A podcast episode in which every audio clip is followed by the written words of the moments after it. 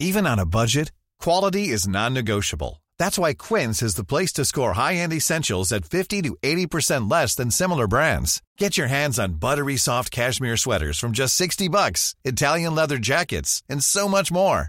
And the best part about Quince, they exclusively partner with factories committed to safe, ethical, and responsible manufacturing. Elevate your style without the elevated price tag with Quince. Go to quince.com slash upgrade for free shipping and 365-day returns. Quality sleep is essential. That's why the Sleep Number Smart Bed is designed for your ever evolving sleep needs. Need a bed that's firmer or softer on either side? Helps you sleep at a comfortable temperature? Sleep Number Smart Beds let you individualize your comfort so you sleep better together. JD Power ranks Sleep Number number 1 in customer satisfaction with mattresses purchased in-store. And now, save 50% on the Sleep Number limited edition Smart Bed for a limited time. For JD Power 2023 award information, visit jdpower.com/awards. Only at a Sleep Number store or sleepnumber.com.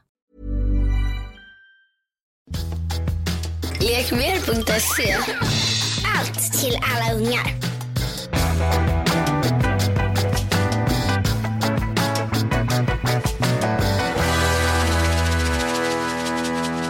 Hej och välkomna till Lillelördag med Ann Södlund och Anita Schulman. Alltså innan vi Gud, gör nu något. vänta nu. Nu lät jag som Erik Haag. Ja det gjorde du. Visst gjorde Ja jag det? exakt! Ja, har ju samma ja, röst! ja, det är det ja. har! Ah, ni är sådana jävla SVT-människor. Är det bra eller dåligt? Hallå! Jag heter Erik Haag. Och jag är inte vuxen för jag kan passa in lite överallt. Bolibompa, SVT Dokumentär. Gud, Erik Haag-rösten. Erik Haag-röst, det är du. Ja, men innan vi fortsätter med någonting annat så måste jag bara, det har hänt något med dig. Det var Sandra Det Dee. knirrar och det knarrar och det knirrar i min ögonvrå. Men alltså Sandra Dee tror jag åkte på semester till Åre och kom hem som Sandy Dee. Tell me about it stud. Det sitter någon och knarrar här inne. Benny får ju Hill, Ann Söderlund. Då, Benny Hill. Ja men du kommer inte ihåg den här sketchen när han satt i den här Chesterfield-soffan med läder-outfit och knarrade sig igenom en sketch på, Vi som var alldeles för lång och alldeles för tråkig. Ja, jag har en, det här stora, stora som nu Anita pratar om. Det låter som att jag kommer säga insmord i guld och höga klackar och stiletter och piska. Oj, oj, oj, vilken sensation. Ann Södlund har en liten svart skinnjacka. Ja, men vänta. Och ja, den knarrar lite. Vänta, den sista 15 gångerna vi har sett så har du bett om ursäkt för att du har mysbyxor eller pyjamasbyxor på dig. Så Mm. att, så här, att gå från mysbyxan till tight svart skinnjacka med så här MC out, liksom, utformation, det är en ganska stor förvandling. Wow. I got chills! Yes, brother. Nej. You're the one that I want! Okej, jag tackar dig att du du, men det känns som så här att göra en transformering, en förvandling, bli någonting helt annat. Det räcker med en simpel skinnjacka i dina ögon. Nej men det här är inte en transformering, det här är en metamorfos. Okej, men är det här bra eller dåligt? Vill du ha mig kvar i min gamla roll? Känner du dig osäker, otrygg, utkonkurrerad? Nej, jag tycker jag älskar din nya roll tror jag, men jag känner ändå så här, finns gamla Ander inne? För du har kommit hit med en attityd också, det är någonting du har på hjärtat. Ja, det är någonting. Men jag ska säga så här, anledningen eller orsaken till också att jag är lite cool idag. Ja. Dels så är det det att jag, eh, jag har hånglat med min man, känner mig lite fräsch, känner mig lite vårig, lite ungdomlig. Hånglat, mamma omskriver, tanten. Ja, du. Ah, du kör den, ja okej. ja, och så jag är lite på gång. Jag Men fattar. dels också att jag har precis skrivit klart min, eller vadå jag? Jag och Sanna har precis lämnat in slutmanus för vår bok. Ja, men det är fantastiskt. Så noppisbyxorna är nu upplagda på the holy grail hyllan där författarskapets liksom ja, fulhetskläder ligger. Så de kommer inte komma tillbaka på ett tag. Underbart. Men du, ska du inte ta av den här skinnjackan för det prasslar väldigt mycket i... Eh... Jaha, Sändning. nej. Nej. Det här är lite som att jag är som Batman. Jag sätter på mig min skinnjacka. Det är jättejobbigt Jag att blir- tänka att du sitter som Batman här inne. Batgirl. Helt i mask. I don't know who I'm doing this pod with. It's It's the Batgirl. Nej. maskerad hämnare. Nej, men jag är lite på gång. Jag Ja. hör att det knarrar. Det får göra det. Men jag är upprörd. Det är därför. Oj. Alltså jag är väldigt upprörd. Och då känns det bättre i den här skinnjackan. Jag, alltså, jag känner mig tuff för att jag har en skinnjacka. Är inte det patetiskt? Nej, fast det är väl det kläder, den funktionen ska väl kläder ha. Okej. Förstärka Ja, jag- jag attribut. Det känns bara lite barnsligt. Jo, men du är ju lite barnslig, det är jag med. Okej. Ja men lyssna här nu. Ja. för att inte det här ska bli en lång drapa så kommer jag snabbt berätta. Jag och min man och massa vänner har varit i Italien i Campeluc på en liten härlig semester. Just det, jag sa Åre, det var en förminskning. Ja, det var otrolig förminskning. Eller det var det ju inte, men, men det var något helt annat. Man pratar italienska på ena stället och svenska på andra. Hur som helst, vi beställer såklart och bokar i sista minuten. Alla hotellrum är slut. Jag ringer min kontakt. Jag ska inte säga hennes namn för så eh, ogin ska jag inte vara. Och eh, säger så här, hej, vi är ute lite sista sekunden. Skulle du kunna hjälpa oss med hotell eller lägenhet? Ja, det finns inga hotell utan men det finns en lägenhet. Då säger jag så här, sist vi hyrde av dig då fick vi liksom ett råttbo eh, så att jag blev sjuk på köpet på grund av damm och sådär. Jag förstår det. Det är helt okej. Vi var där med barnen. Det, vi var inte så mycket liksom i lägenheten, men nu har jag jobbat väldigt mycket. Vi är liksom, vi har massa småbarn alla vi som är där. Det måste vara en schysst lägenhet. Alltså det måste vara flera toaletter, vi måste ha ett varsitt rum, bla bla bla. Jag uttryckte mig tydligt för en gångs skull. Ja. Vi kommer dit. Jag öppnar eh, rummet, eh, eh, öppnar dörren till den här lägenheten som ska ligga mitt i byn. Ja, men alltså, utanför står det någon sån här gammal gas och typ röker och ser ut som att hela livet håller på att liksom rinna ifrån honom. Alla luckor i hela lägenhetskomplexet är stängda. Det är bara vi som ska bo där. Jag öppnar, det luktar gammal typ eh, gammal sunkig alpgubbe som har suttit och svettats och rökt de senaste 20 åren. I vår, på vår våning på tredje våningen så går det inte ens att stänga dörren. Det är bara som ett öppet loft med två enkelsängar på varsina hörn. Ja, badrummet, det fashionabla Kennedy-badrummet är en mulltoa. Men, lyssna här nu vad som händer. Och jag vet inte, jag skäms inte, men jag börjar gråta lite grann. Mm. Eller jag det blir så här, det blir så här. Men vadå, vad är det här då? Och de som är med mig ser på mig att det är så här, okej, det här, vi ska byta. Mm. Jag ringer upp henne och är tydlig, mitt nya mantra, säger så här, det här är inte det vi har bett om. Eh, jag kommer inte bo här. Eh, tack så mycket, vi vill ha pengarna tillbaka. Ja men så här, ja, och hon förstår och vi lägger på. I morse kommer det här. Hej Ann! När, ni, när vi var och storstädade lägenheten efter säsongen så upptäckte städarna att flera fönster stod helt vidöppna. Dels om ingen har bott där efter oss, varför behöver de tvungna att storstäda? Förstår vad jag menar? Ja, Jag menar alltså, exakt. Ja, strunt i det, jag är Ja. så upprörd. Kylskåpsdörren var öppen och lamporna var tända i hela huset. Det är fullständigt vårdslöst att lämna en lägenhet i en vinterort i det tillståndet. Det var 26 grader där så det var liksom inte det att elen kanske stod och tickade. Okej att ni inte tyckte att den motsvarade era förväntningar men det är sunt förnuft och respekt för andras egendom att stänga och släcka efter sig. Detta kostar oss 290 euro, 290 euro i el och värme. Oj. Jag debiterar, jag debiterar dig för det. Med vänlig hälsning. Dels så kom vi in där, vi tände inga lampor, vi öppnade luckorna så att vi skulle kunna se någonting. Vi släckte lamporna, stängde. Hon ringde mig och sa så här, en tjej kommer komma och stänga och låsa och se till att allting är bra för att ägarna ska komma dit. Eh, ha det bra, hej då. Nu blir jag så upprörd över det här. Du ser inte alls Jo, jag förstår precis. Ja, mm.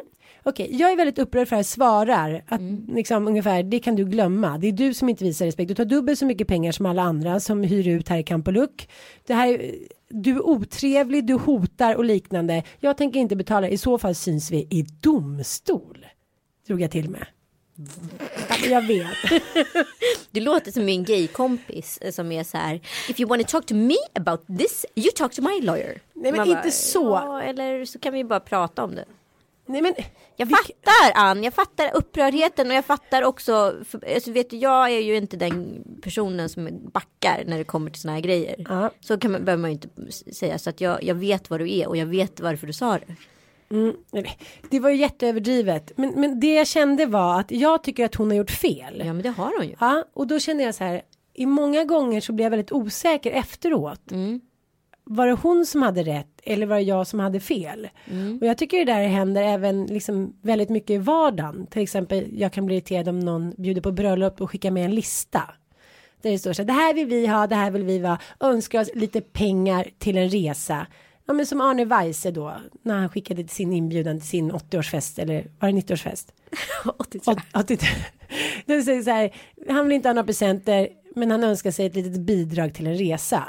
Då tycker jag ändå det är okej. Han är 83 år. Ja. Ja, men när människor som har gott ställt liksom åker utomlands fem gånger per år skickar så här att de vill ha bidrag till här, det är väldigt dyr den här resan jag vill köpa till hen eller det, vi skulle gärna vilja ha en, eh, göra en resa och så ska man komma med en sån här kappsäck i Pippi Långstrump kappsäck och ge pengar till människor som redan har massa pengar. Det tycker jag är fel. Mm, jag är med dig på den. Jag är helt med dig på den. Jag känner att jag går, igång på det här så jag håller mina hästar så att säga. För Mm. att inte såra någon som jag känner. Okej, men då det här med lista. Men sen efter tänkte jag så här, det kanske är jättebra för det blir ju lite klurigt när man ska iväg i sista sekunden och, och, och köpa någonting. Men då är det liksom Pippi Långstrump mentaliteten i mig. Fast så jag här, hade lista på bröllopet. Ja, det är slut. Hade du det? Nej men vet du vad, vi hade i listan som ett alternativ och jag tycker som om man har en lista som ett alternativ Mm. till att vilja ge en gåva. Ifall folk nu inte kommer på mot förmodan eller ute i sista minut så kan man så här, det finns en lista och du får handla från den om du vill. Om du inte vill det så är du välkommen att liksom bring eh, din gåva. Men vad då alternativ? Om man skickar ut att man vill ha en lista. Nej men listan ska ju vara som ett stöd. Listan får ju inte vara obligatorisk. Li- Nej, du får förklara det här för mig. Nej men alltså så här, en lista. Okej, vad stod det på den här listan? Det stod att jag var ju tyvärr inte bjuden. Det stod... Var du inte? Nej, det var jo det var du visst det. Skiter i det. Ja. Ja. det här kan vi bli bråk om. Okej, berätta om din lista. om våran lista. Din Nej men vi hade 80-lista. en lista. Your greedy list. My greedy list. Nej men greedy listan går egentligen ut på att så här. Folk kan ju riskera att komma med tio brödrostar. Jag har ju faktiskt varit, haft en tidigare bröllopsfest där vi faktiskt fick fyra brödrostar. Eh, så att listan är väl egentligen till för att folk inte ska kunna köpa samma saker. För så fort du handlar från listan då bockas ju de av. Så då kan inte Pelle och Agneta gå och köpa samma grejer. Så listan är egentligen bara till för ett stöd. Och, eh, och vi hade beställt, vi önskade oss lite glas och sådana så här grejer som man kanske tycker är tråkigt att köpa hem. I vanliga fall. Så, men däremot så är det ju inte förbjudet att köpa utan, något annat utan listan. Liksom. Nej, jag förstår. Men, men jag tycker ändå så här, de vi umgås med förutsätter mig att de har ganska bra smak. Det är annorlunda om man kanske så här faster Agda från typ Skövdeslätten och hela liksom ligan Ja men på ett bröllop så finns de där. Mm. Nu ska jag jämföra uttrycket eller liksom bröllopslistan med någonting helt annat. Och jag ser lite som att lägga ut en bröllopslista. Det är lite som det är som när man har sex med en kille som är så här otroligt tekniskt begåvad. Han har liksom legat och filat på YouPorn senaste sju åren. Och han är liksom, han är fin, han är fixad, han är fuffad och det är härligt. Ja. Och efteråt så ligger man där typ cigaretten efteråt tänkte jag säga men det är en, en bok av Horace. Men då ligger man där och så tänker man så här jag borde vara så tillfredsställd och så lycklig och så hallelujah moment. Men jag känner mig bara blåst på konfekten. Det vill jag jämföra med en bröllopslista. Att när du skickar det till mig. Då säger du så här. Ja men jag gillar dig. Och du, ja men jag gillar dig och kanske gillar din stil. Men du är inte betrodd att ge någonting till mig i kärlek. Nu ser Anita så här. Nu tycker hon att jag är crazy woman. Nej, det crazy tycker inte, nej, nej, nej, jag tycker inte du är crazy Vad woman. tycker du om min metaformos? Nej, jag tycker inte att metaforen var grym.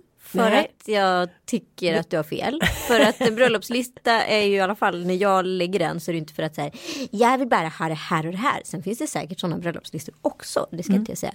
Men om jag gör en bröllopslista så ska det vara ett stöd för dig ifall du inte vet vad du vill ge mig. För du kanske känner så här "Och jag vet inte vad, om vi nu inte känner varandra så bra. Jag vet inte vad hon har för stil. Jag vet inte vad de har för grejer hemma. Kan man köpa en inredningspryl? Alla sådana här tankar som kanske dyker upp just specifikt på ett bröllop. Sen vet inte jag vilket fall det här. Det är en bröllopslista också. Eh, det är mer bara så här. Om du vill köpa från bröllopslistan så finns den som stöd. Men du får självklart bidra med vad du vill. Okej. Mm. Det verkar lite som. Här kan Nej, inte vi mötas känner Nej jag. jag vet men jag gör en snabb så här. Jag säger jungsk analys. Nej det gör jag inte. Men jag gör en snabb analys av att jag också tror att det handlar om att jag kanske har ett auktoritetsproblem. Lite så. Pippi Ja. Långstrump i, i, i, poli, vad heter Farbror Blåland? Ja, vad heter de? Kling och Klangland? Ja, Kling och Klangland. Världens bästa superpoliser. Säpo, BO. Nej men att jag känner så här, du ska inte komma och säga till mig. Nej. Jag ska köpa till dig. Det är kanske där problemet ligger. Det är därför jag säger så här, är det rätt eller fel? Det är både rätt och fel Ja med bröllopslistor. Helt enkelt. Ja. Så när jag gifter mig då kommer jag Fick en, en egen bröllopslista till dig. Du är sårad nu, jag ser det. Du har blanka ögon, du ser ut som Coco Spaniel. Nej, vet du varför jag har blanka ögon? Det är för att våran lilla, ah, jag vill kalla honom onda namn, människa, eh, han vaknade kvart över fyra i morse. Gjorde han? Så att jag har redan liksom gjort ett dagspass och klockan är inte ens lunch. Okej, så Ja. du är trött. Jag är så trött. Mm. Kommer du, kan, ska jag bara säga snälla saker? Kommer du annars börja gråta? Vi får se. Ja. Det kanske får bli så. Men alltså din son, Ja. han är så liksom så här väsensskilt, diametralt motsatt mot Karlsson på taket där hemma. alltså det är liksom yin och yang. Kommer de två bli vänner och så här ragga hens ihop? Alltså vi, jag funderar på liksom vad som är styrkan egentligen. För jag tänker väldigt mycket på dig och mig. Jag har ju poddat med ganska många människor och jag poddar ju fortfarande med en del människor. Men du och jag har ju någon klick, i alla fall i podden. Och jag tänker, jag tänkt lite längre på det här med kemi, vad det är som är. För jag har alltid tänkt att det är så bra att folk är olika, att det är det som är kompletteringen. Men jag har inte tänkt så längre. Jag tänker att man kanske till och med måste gå in i varandra lite. Det är det som är det styrkan. Du sitter här och Nej men det, det är så roligt för att jag eh, tror att det gäller samma sak med kärlek. Vad lustigt för jag har tänkt på det där bara senaste veckorna. För jag har faktiskt läst lite om det. Om det här kärlekslaboratoriet.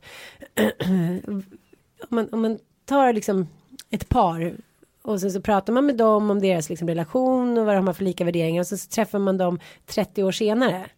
Då visar det sig ju väldigt mycket att de som har varit lika och tyckt samma sak, känt samma sak, haft samma intressen är de som har hållit ihop.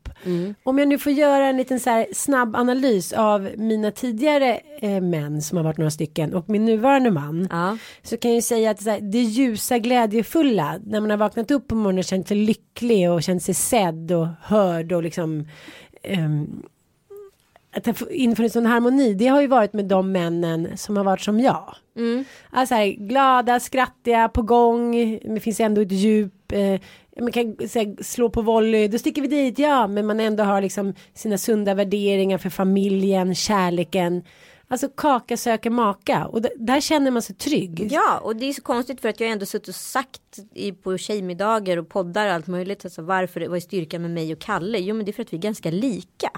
Jag har ju suttit och sagt, men samtidigt har jag ändå gått igång på den här grejen att jag tror att så här motsatser eller motpoler är nyttiga liksom för varandra. Men inte i, i alla sammanhang helt enkelt. Jo, men jag tänkte på en grej också här att man, att man måste få ändra sig också. Alltså som Ja. du sa att en av mina bästa killkompisar han men han är väldigt så här, snar. Ah, jag gillar inte den, jag gillar inte den, den är bra, den är dålig, det är fult, det är fint. Och han sa det, nu har, jag, nu har han i och för sig gått i terapi, men, men han sa det att vadå, om man, om man har tyckt någonting för något år sedan, eller några år sedan, varför kan man inte få ändra sig utan att det ska vara att man är ytlig och vänder kappan efter vinden?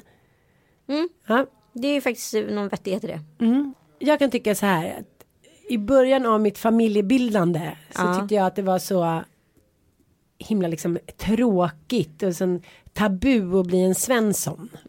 Utan allting skulle liksom ske alla minut. Och jag menar, jag menar allt från resor till att vad man skulle göra med barnen. Jag menar till storhandling, ja, men liksom alla de där vardagsgrejerna. Det tyckte jag var så här, det var ett bevis på att man hade så här satt sig ner och liksom satt sig ner i sin noppiga mjukisbralla och börjat liksom ja men vänta in döden. Och så tycker jag inte alls längre. Så livet blir helt förändrat när man har lite rutiner. Nu låter det så himla klyschigt men för mig som inte kanske riktigt är uppfostrad så Nej. så blir det en sån stor förändring när man så börjar gilla vardagen.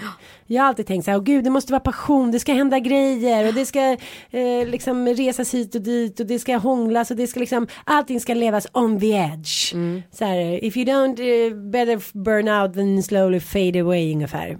Men helt plötsligt så har det börjat infinna sig en känsla av vardagslugn. Jag tycker det är mysigt att vara hemma. Jag planerar inga större resor. Jag behöver inte liksom handla någonting för att må bra. Det känns som att så här, alla hålen som jag har fyllt på med, med massa konstiga knasiga saker. De är liksom, de ligger lite, kanske inte helt igentäppta, men de, de ligger i alla fall inte helt vidöppna. Det är väl ett tecken på att man är, mår ganska bra. Ja men exakt och jag tror, precis som jag pratade om i tidigare podd, jag tror man kan kamouflera en relation med precis vad som helst. Mm. Allt från egentligen barn till äventyr. Eh, jag tror verkligen på det. Om man inte hittar sin plats i vardagen och hittar sin plats i lunket och rutiner och inte är nöjd med det. Mm. Då kommer, är man inte heller nöjd i relationen och då måste man nog börja tyvärr se sig ja, om i vad, vad det är för fel på den innan Mm. man börjar liksom bygga på med ytterligare attribut så att säga. Men det där gäller ju också en intressant eh, tes som jag har haft att säga om man, om man har mycket sex, om det är mycket passion, då är det verkligen ett lyckligt förhållande. Och då behöver inte det andra funka. Men så är det ju verkligen inte. Nej, men, men alltså, det finns ju någon tro på att en viss typ av män och kvinnor de är så här, är riktiga casanover och det ska sättas på mot träd och i flygplan och under bro. Du såg så många bilder framför nu. jag kommer också ihåg min, min och Kalles första nykärtid. Den var inte vacker. Så kan vi Nej, säga. den var inte vacker. Nej, det var ungefär så. Och då jobbar vi mot träd, motorhuvar. check, check. jo men det ser man ju nyförälskad och är väldigt Men alltså jag måste bara berätta en grej. Okej, förlåt. okej, okej. Apropå det här. Jag och Kalle var väldigt nykära. en sommar för sex år sedan. På sommar på En 60-talet. sommar på sex år. Men det var verkligen flower power in the air. Vi åkte runt i Sverige och låg på olika ställen. Jag ser man kan i princip säga. Lite här och där. Vi fick feeling ute på Ekerö en gång. Jaha, lite Eh, skvätt. och sen kom på att vi ställer bilen, vi hittade någon liten grusväg, vi ställer bilen och så gör vi det liksom fort, nice and neat ute på den här grusvägen, alltså mot bilen. Precis innan du vet kjolen åker upp Jaha. så kommer liksom prinsessan Madeleine och Jonas då Bergström promenerandes förbi. Med sina små hundar. Där stod vi. Det var så uppenbart vad som skulle ske. Och det Hade blev ju läderkjol. konstigt. Nu, nej, Sanna det blir ju så Anita. här konstigt att det var dem. Och det var väldigt konstigt att vi gjorde det. Så det var, ja, det var en märklig situation. Jag förstår dig och Kalle.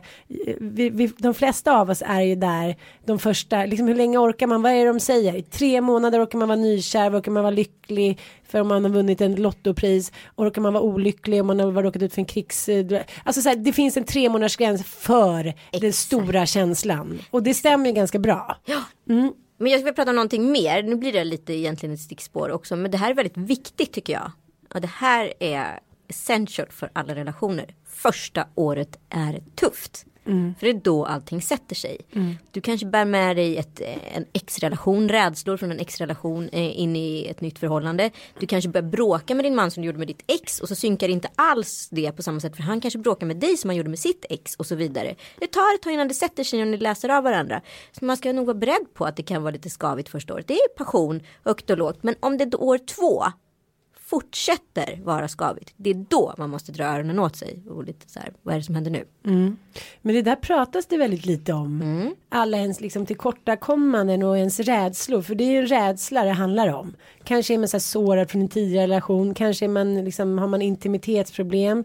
Allt det här visar sig särskilt de första månaderna. Och det som händer också är att det här som man alltid, den fällan som man alltid hamnar i. Fallgropen, kärleksfallgropen. Man är nykär, man blir liksom som 18 igen, som du säger, man, man har mycket sex, man kanske festar en del, man reser, man lever liksom li, livet till 180 och alla, liksom, alla känslor är på.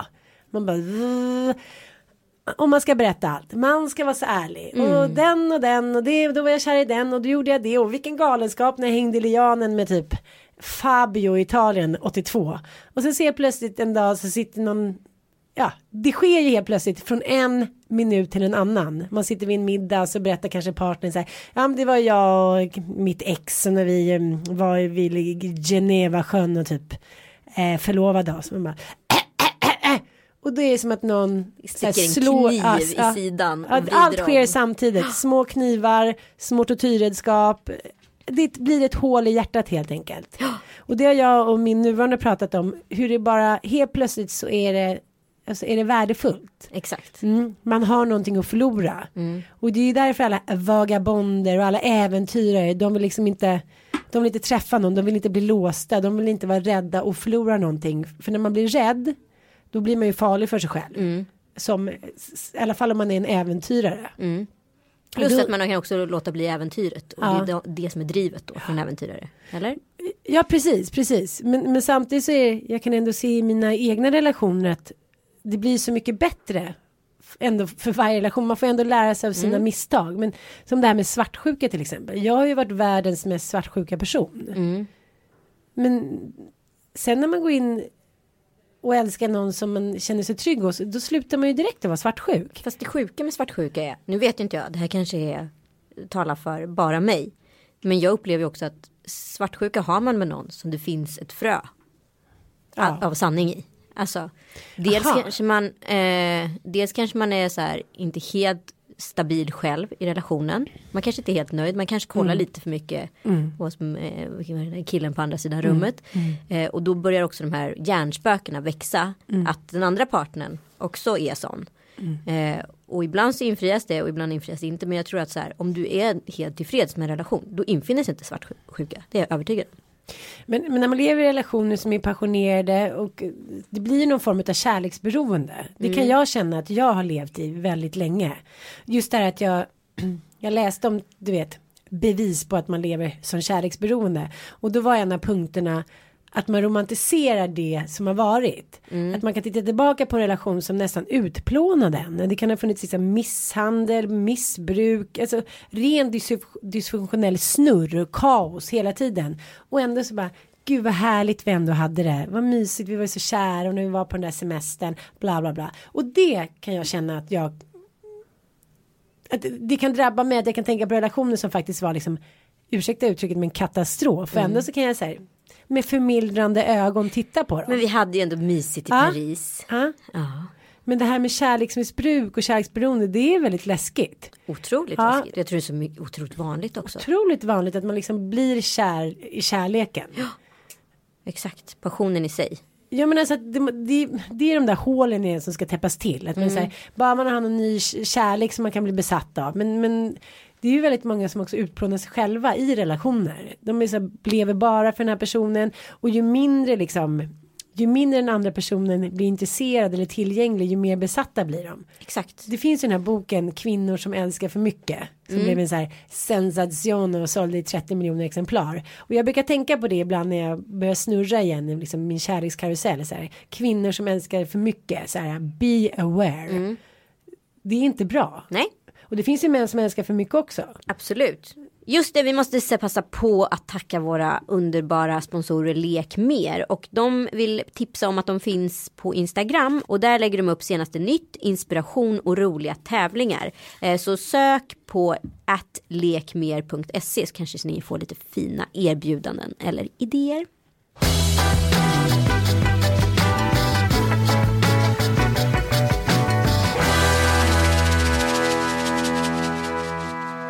Känner du att du har älskat för mycket någon gång? Ja, det känner jag. Eh, Du bara, inte just nu. Inte just Kanske nu. imorgon. nu är det lite allmänt beige men.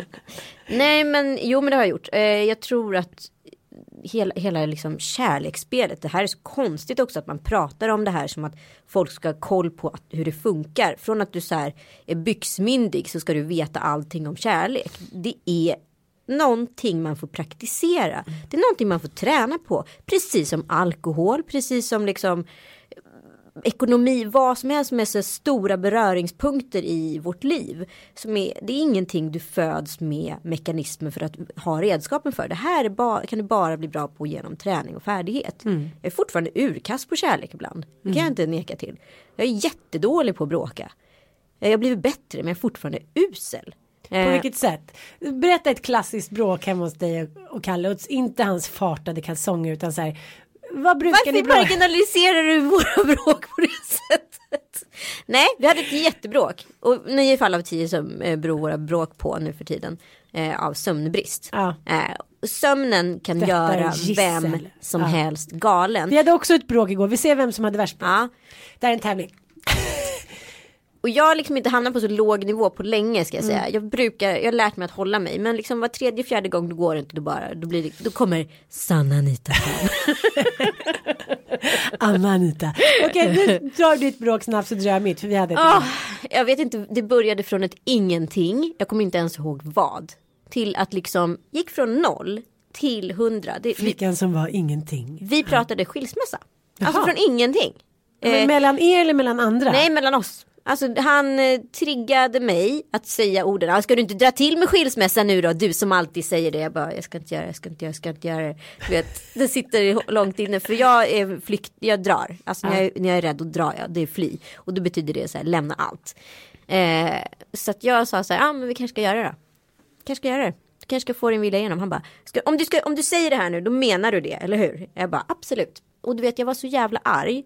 Så jag började gå in på Skatteverket och så här, kolla papperna. Bara för att så här, visa att jag minsann inte, inte vad heter det, ge mig på den här punkten. Alltså att galenskapen kan gå så långt så att jag kan så här, eh, helt plötsligt, vad ska jag säga, förkasta hela min familj för att ha rätt. Alltså bevisningsgraden att ha rätt blir viktigare än allt. Och sen så tar det liksom en halvtimme och sen så, men, eller så skiter vi i det. Ja. Ja, och så är det inte så mycket mer med det. Och så puss och förlåt och make up sex liksom. Ja. Jaha, Ja visst, absolut. gud vad härligt. Ja, visst. Jag bara, nu när du nämner det. Nu när, nu när Sanna Anita nämner det. Men det, så långt har det inte spårat på väldigt länge vill jag säga. Då, men det är, finns ändå ett frö hos mig när de här rädslorna och när de här mekanismerna triggar igång. Det är då jag känner att så här, nu vill jag dra. Och jag blir så jävla arg, jag blir så rädd och då strider jag och så strider jag dåligt. Men jag vill ju hela tiden så här, så här, säga så här Peter och vargen syndrom, eh, Romeo och Julia syndromet och så här. Men nu har jag ett nytt syndrom, Peter och vargen syndromet. Att det där är ganska farligt för jag drar också till med det. Det var som igår, vi försöker ju sluta amma, det går så där. Eh, jag förstår att Mattias har det skitjobbigt. Han har en unge som skriker fem timmar och så kommer jag hem och så ser han liksom min långa bröstvårta och bara blir jätteglad. Ja, och då vaknar man på morgonen och då känner jag så här, men jag har ändå ammat i 11 månader. Jag är också ganska slutkörd. Jag har tre andra barn som också vaknar på nätterna och det är, de har växtverk och vad det nu är, liksom ska ha te och kaffe. Nej, det ska de inte. Men vatten. Kaffe Ja, de ska ha te och kaffe.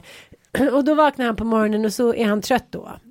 Och då istället för att vara förstående, varför får inte han vara trött? Varför får inte han ha rätt till sina känslor? Då kommer den där liksom genusklägget, genustanten i mig så här, ha, ska jag säga, som har i- i- i 11 månader har legat här och ammat. Och där har vi en fälla som kan liksom leda till att en relation inte håller. Att man inte liksom ens känner in den andra, den andra får inte ens komma till tals. Nej.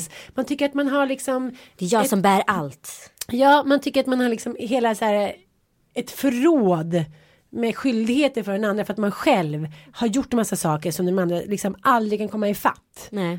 Och då blir det här värsta bråket och jag var så här, då kanske det är lika bra att vi har två lägenheter. Han bara, men okej, och då känns det, men vad är det med mig? Hur kan jag liksom hamna på den här infantila bebisnivån? Men jag skäms ju också som en hund Ja men jag med. Och sen så i vanliga fall så brukar jag, han har väldigt svårt för bråk min man. Så brukar han höra av sig så här, vi orkar inte bråka, jag kan inte jobba så här. Men nu gjorde han inte det. Och jag satt hos hemma hos Sanna och skrev. Oj oj oj oj. Mm, där fick jag smaka på egen medicin. Ja. Jag kände så här, i den här högaktningsfulla åldern som jag ändå har uppnått. Ändå så blir jag så stressad. Ha men hör inte av det då och typ. Får man ärva cirkuslampan då för mina barn om du ska rymma?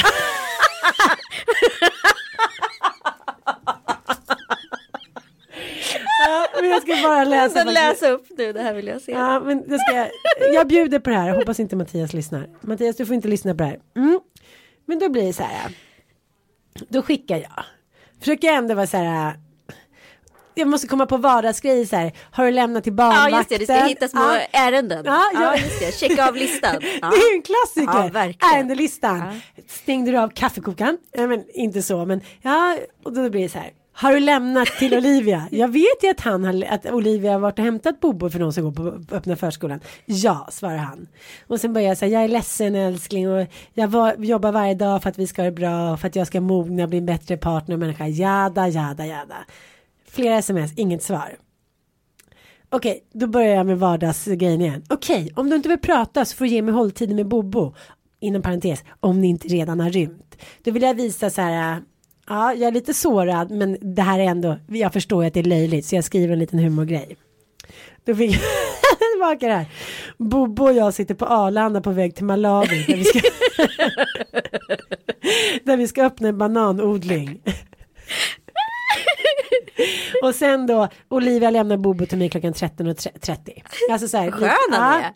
Ja men han är ju det. Då skriver jag så här, är vi mina barn ditt företag? Men det är också jobbigt när Ja. snubbar är sköna. För vet du vad då känner man själv att de hanterar en. Och hanterar man en så är man ju nästan ett psykfall. Ja, men då tycker jag att nu är vi on speaking terms, allt över, vi förstår att vi varit löjliga, vi är liksom, ja men nu är vi glada igen och alltså allt har bara varit barnsligt. Så då skickar jag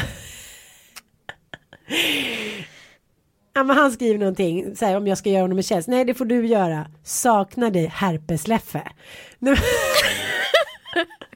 Jo men han har, ja, men han, han, fick, ja, han fick det när vi var i solen. Ja. Och det tyckte jag var jätteroligt för nu var vi ju på skämt banananivå. Men det var det inte. Nej men inte så. Nej. Nej. Nu var han lite sårad. Så när jag kom hem då. Då var han ändå lite sårad. För det, ja. det är så det går. Men så länge det finns humor och liksom någon så här vilja. Till att älska. Då behöver man inte vara orolig tycker jag. Nej men alltså det är inte en enmansshow att driva ett förhållande. Så man kan inte säga här, jag gör allt. Det går inte. Man kan inte dra det kortet.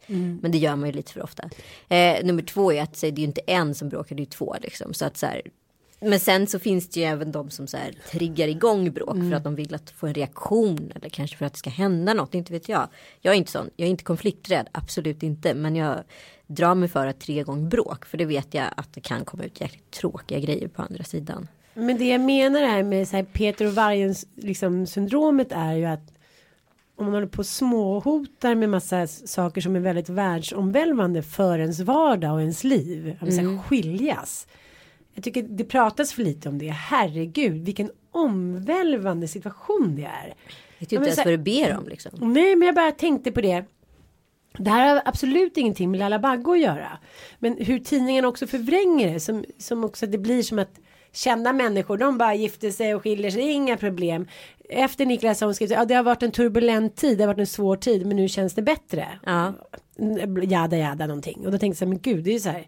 Sex veckor sedan de gick ut med att de skilde sig och nu är allt bra. Till och med jag som en så här luttrad journalist blev lite så här provocerad. Men så tänkte jag, men gud de kanske har haft det dåligt jättelänge. Det här har pågått. Alltså, människor håller ju väldigt mycket inne med hur dåligt de mår. Det är ju fult att må dåligt. Utan man ska resa på sig, börja träna, spruta in lite botox och så här, träffa en ny kar eller kvinna inom liksom loppet av två månader. Men jag tycker man ser exakt på Instagram. Det är ju som ett fönster för, det är ju inte bara ett fönster in i relationer. Det är också ett fönster för relationens status. Vet man att ett par lever ihop, ser du liksom att den här personen börjar bete sig på ett annat sätt. Eh, kanske helt plötsligt blir väldigt besatt av sin kropp eller eh, får ett väldigt specifikt intresse. Då vet man oj oj oj nu är det något som skakar här liksom. Men det Men- får man väl bjussa på då. Men jag tänker att man man blir också väldigt lurad eller man vill kanske bli det. Man vill ju ha sina så här kändisparförebilder. Och då kan jag säga att jag har alltid tänkt så här, men gud, Angelina Jolie och Brad Pitt. De är så här, de verkar vara sunda. De har, ja, det är lite sektvarning. De har 2000 barn och de hyr sina stora slott i Frankrike och de liksom jobbar för fred och frihet och de är så här, de är rakt igenom perfekta. Men det känns ändå så här som de har en sund relation. Det har jag ingen aning om i och för sig. Men det bara känns så. Hur kan, det ens, hur kan jag ens säga att det känns så? Jag vet ingenting. Men man vet ju ingenting om dem. Nej, men jag tycker, jag tycker på pappret att det ser bra ut. Men det är ju det som är det, är det, som är det psykologiskt smarta med alltihopa. Ju, ju mer du tiger, ju mer kan du själv ladda människor med dina egna uppfattningar om dem. Jag tycker inte alls de känns speciellt sunda. Eh, dels tycker jag det finns en otrolig så här, som självadopterad trasighet att adoptera så mycket barn och det kanske låter jättehårt. Men jag tycker att det, det, det finns en grundläggande felande i adoption och det är att man går runt och tror att man är Messias och att man räddar människor. Men de här barnen vet ju inte om att en stålsäng är sämre än en, än en rosa tyllmadrass liksom. Inte vet jag vad det var. Nej, jag fattar. Jag Ja, fattar.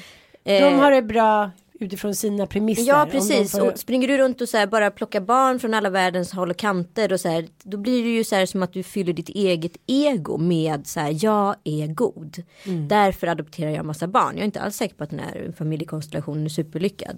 Så när jag tänker på en annan grej med Angelina. Men, ja, men får jag bara fråga en sak först? Nu, jag är ju inte adopterad vad jag vet. Nej. Men du är ju det. Mm. Ja, bevisligen. Ja. det behöver vi inte lägga några värderingar i. Men, men det finns ju mm, vissa som har blivit adopterade som tycker att det var fel. Som hellre hade velat bo då, ja, i en järnsäng utan madrass eller hur du uttryckte det. Än att komma till ett annat land och känna sig hela tiden så som att man inte hör hemma, att det är ett stort hål som ska fyllas på och liknande. Ja. Ja, men då känner du så? Nej. Nej, Nej. jag tycker inte så här. Men det man inte får göra, man får inte känna sig att man blivit räddad. Det tror jag är så här grundläggande att man måste prata med sig själv om. Och också kanske sina föräldrar. Och sen får man inte heller känna att man går runt och är tacksam för att man har fått privilegierat komma Nej, till ett nej. bra land. Tacksam För går du, går du runt med de två tankarna då kan jag förstå att du börjar liksom så här, tänka att, att så här, ja men eh, det kanske hade varit bättre ifall jag var kvar där. Och så, så gör sig av med de tankarna eller red ut dem. Eh, Jo men, men, för jag, jo men för jag tänkte på en så himla konstig grej. Mm. När jag poddade och intervjuade Peter Jöbacks man. ja just det, Oscar. Oskar Ja. Lindros höll jag på att säga. Oskar, han heter faktiskt också Jöback nu. Ja precis. Så otroligt härlig och sympatisk och jag vill bara stoppa honom i väskan och gå hem. Men det kunde jag inte. För han var ihop. Men du vill Precis göra med alla Peter Jöback. adopterade. Nej, det vill jag inte. ja, men okej, men han, han är ju då adopterad. Exakt. Och åkte, åkte tillbaka med sin bror. Ja. Träffar sin mamma. Det visar sig att hon har eh, den där mannen som hon träffade när de var små. Har hon nu dött, tre döttrar med. Oj. Ja, som hon tar hand om och som hon försörjer och liknande. Och då kände jag så här, men herregud, vilken så här, vilken, men hur skulle det kännas att åka tillbaka och träffa sin mamma? Och så visade det att hon adopterade bort mig och min bror. Men sen träffade hon en ny karlslok som hon redan hade gjort. Och de har fått tre barn som hon minsann har råd att försörja och ta hand om. Men han kände ingen bitterhet. Skulle, alltså förstår du vad jag menar? Ja jag förstår vad du menar. Ja. För man tänker ju att det, det finns ju någon så bild av att man är adopterad för att man är jätte, jätte, Fast jättefattig. Det där kanske är svårt att förklara för någon eh, som har biologiska syskon.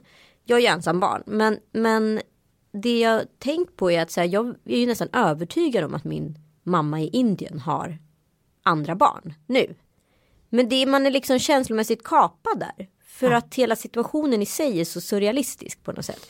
Så man kan inte känna någonting för dem. För man vet inte vad de har för liv. Och jag har ju fortfarande ett liv och ett kroppsspråk och en ett uttrycksfullhet som inte de har. För, så att det går, jag åkte ju självklart till Indien för att hitta mina rötter men det var ju bara jättemärkligt. Jag såg jag var ju inte lik någon på något sätt. Jag trodde så gud vad kul att komma till ett land där alla ser ut som jag. Jag, jag var ju så alienerad på alla sätt. Eh, jag var ju superkonstig och då hade jag en lång blond snubbe med mig. Liksom. Och det var ingen som kollade på honom men jag hade alltid en svärm efter mig. Det var Kalle som gick på styltor. Men däremot så skulle jag vilja prata. däremot skulle jag vilja prata om det här med adoption. För jag har ju tänkt på lite på genpaketet. Ja, Eh, du vet ju att din mamma hade cancer. ja. Eh, och du vet att den risken finns för dig.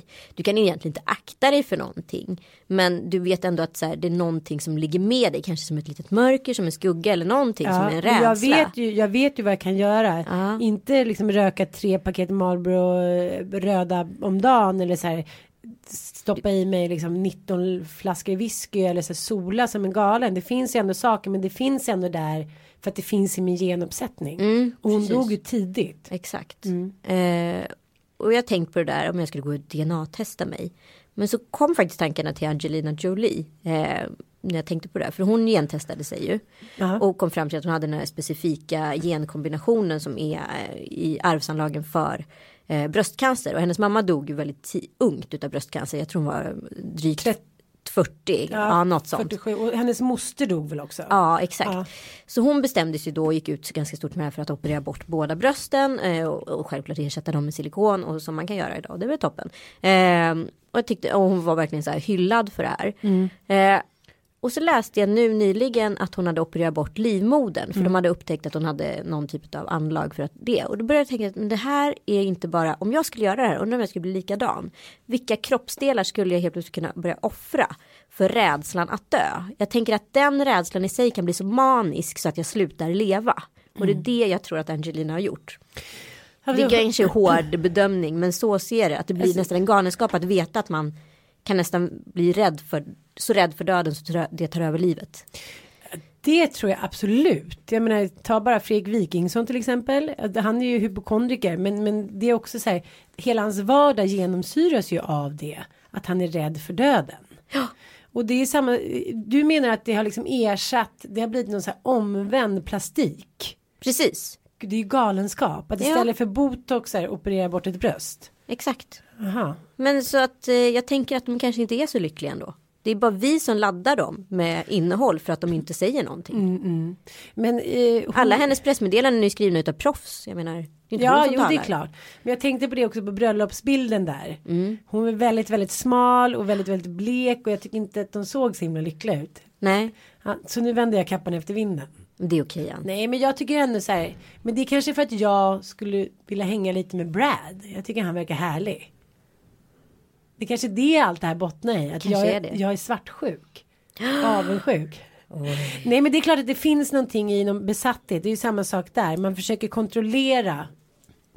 Man försöker kontrollera livet. Kontrollera sin kropp och sin själ och ja, på ett sätt som blir osunt. Det Ja. kanske. Hon har liksom blivit någon tvärtom. Det kommer komma något ord för det här snart ju. Ja. Att operera bort kroppsdelar. Jätteläskigt. Men då måste jag få säga en sak. En sund relation. Som Mm. jag faktiskt, men det vet man ju inte heller. Men som också känns och som man har sett.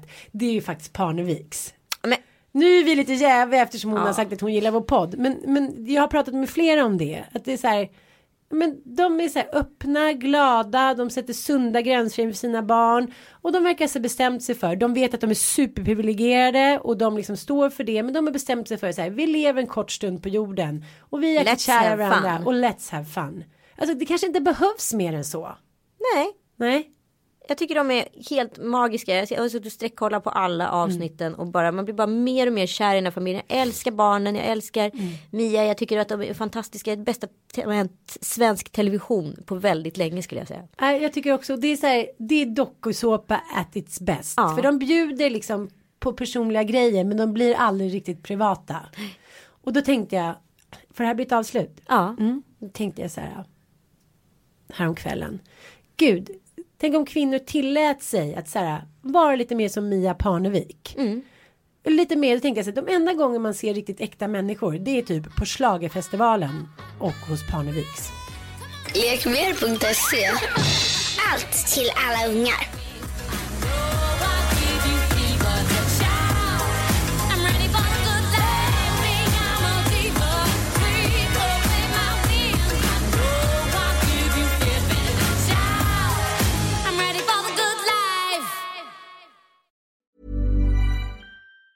Hi, I'm Daniel, founder of Pretty Litter. Did you know cats tend to hide symptoms of sickness and pain? I learned this the hard way after losing my cat, Gingy. So I created Pretty Litter, a health monitoring litter that helps detect early signs of illness by changing colors, saving you money and potentially your cat's life. Pretty Litter is veterinarian developed, and it's the easiest way to keep tabs on your fur baby's health right at home. Go to prettylitter.com and use code ACAST for 20% off your first order and a free cat toy. Terms and conditions apply. See site for details. Imagine the softest sheets you've ever felt. Now imagine them getting even softer over time. That's what you'll feel with Bowl and Branch's organic cotton sheets. In a recent customer survey, 96% replied that Bowl and Branch sheets get softer with every wash. Start getting your best night's sleep in these sheets that get softer and softer for years to come. Try their sheets with a 30-night guarantee. Plus, get 15% off your first order at bowlandbranch.com. Code BUTTERY. Exclusions apply. See site for details.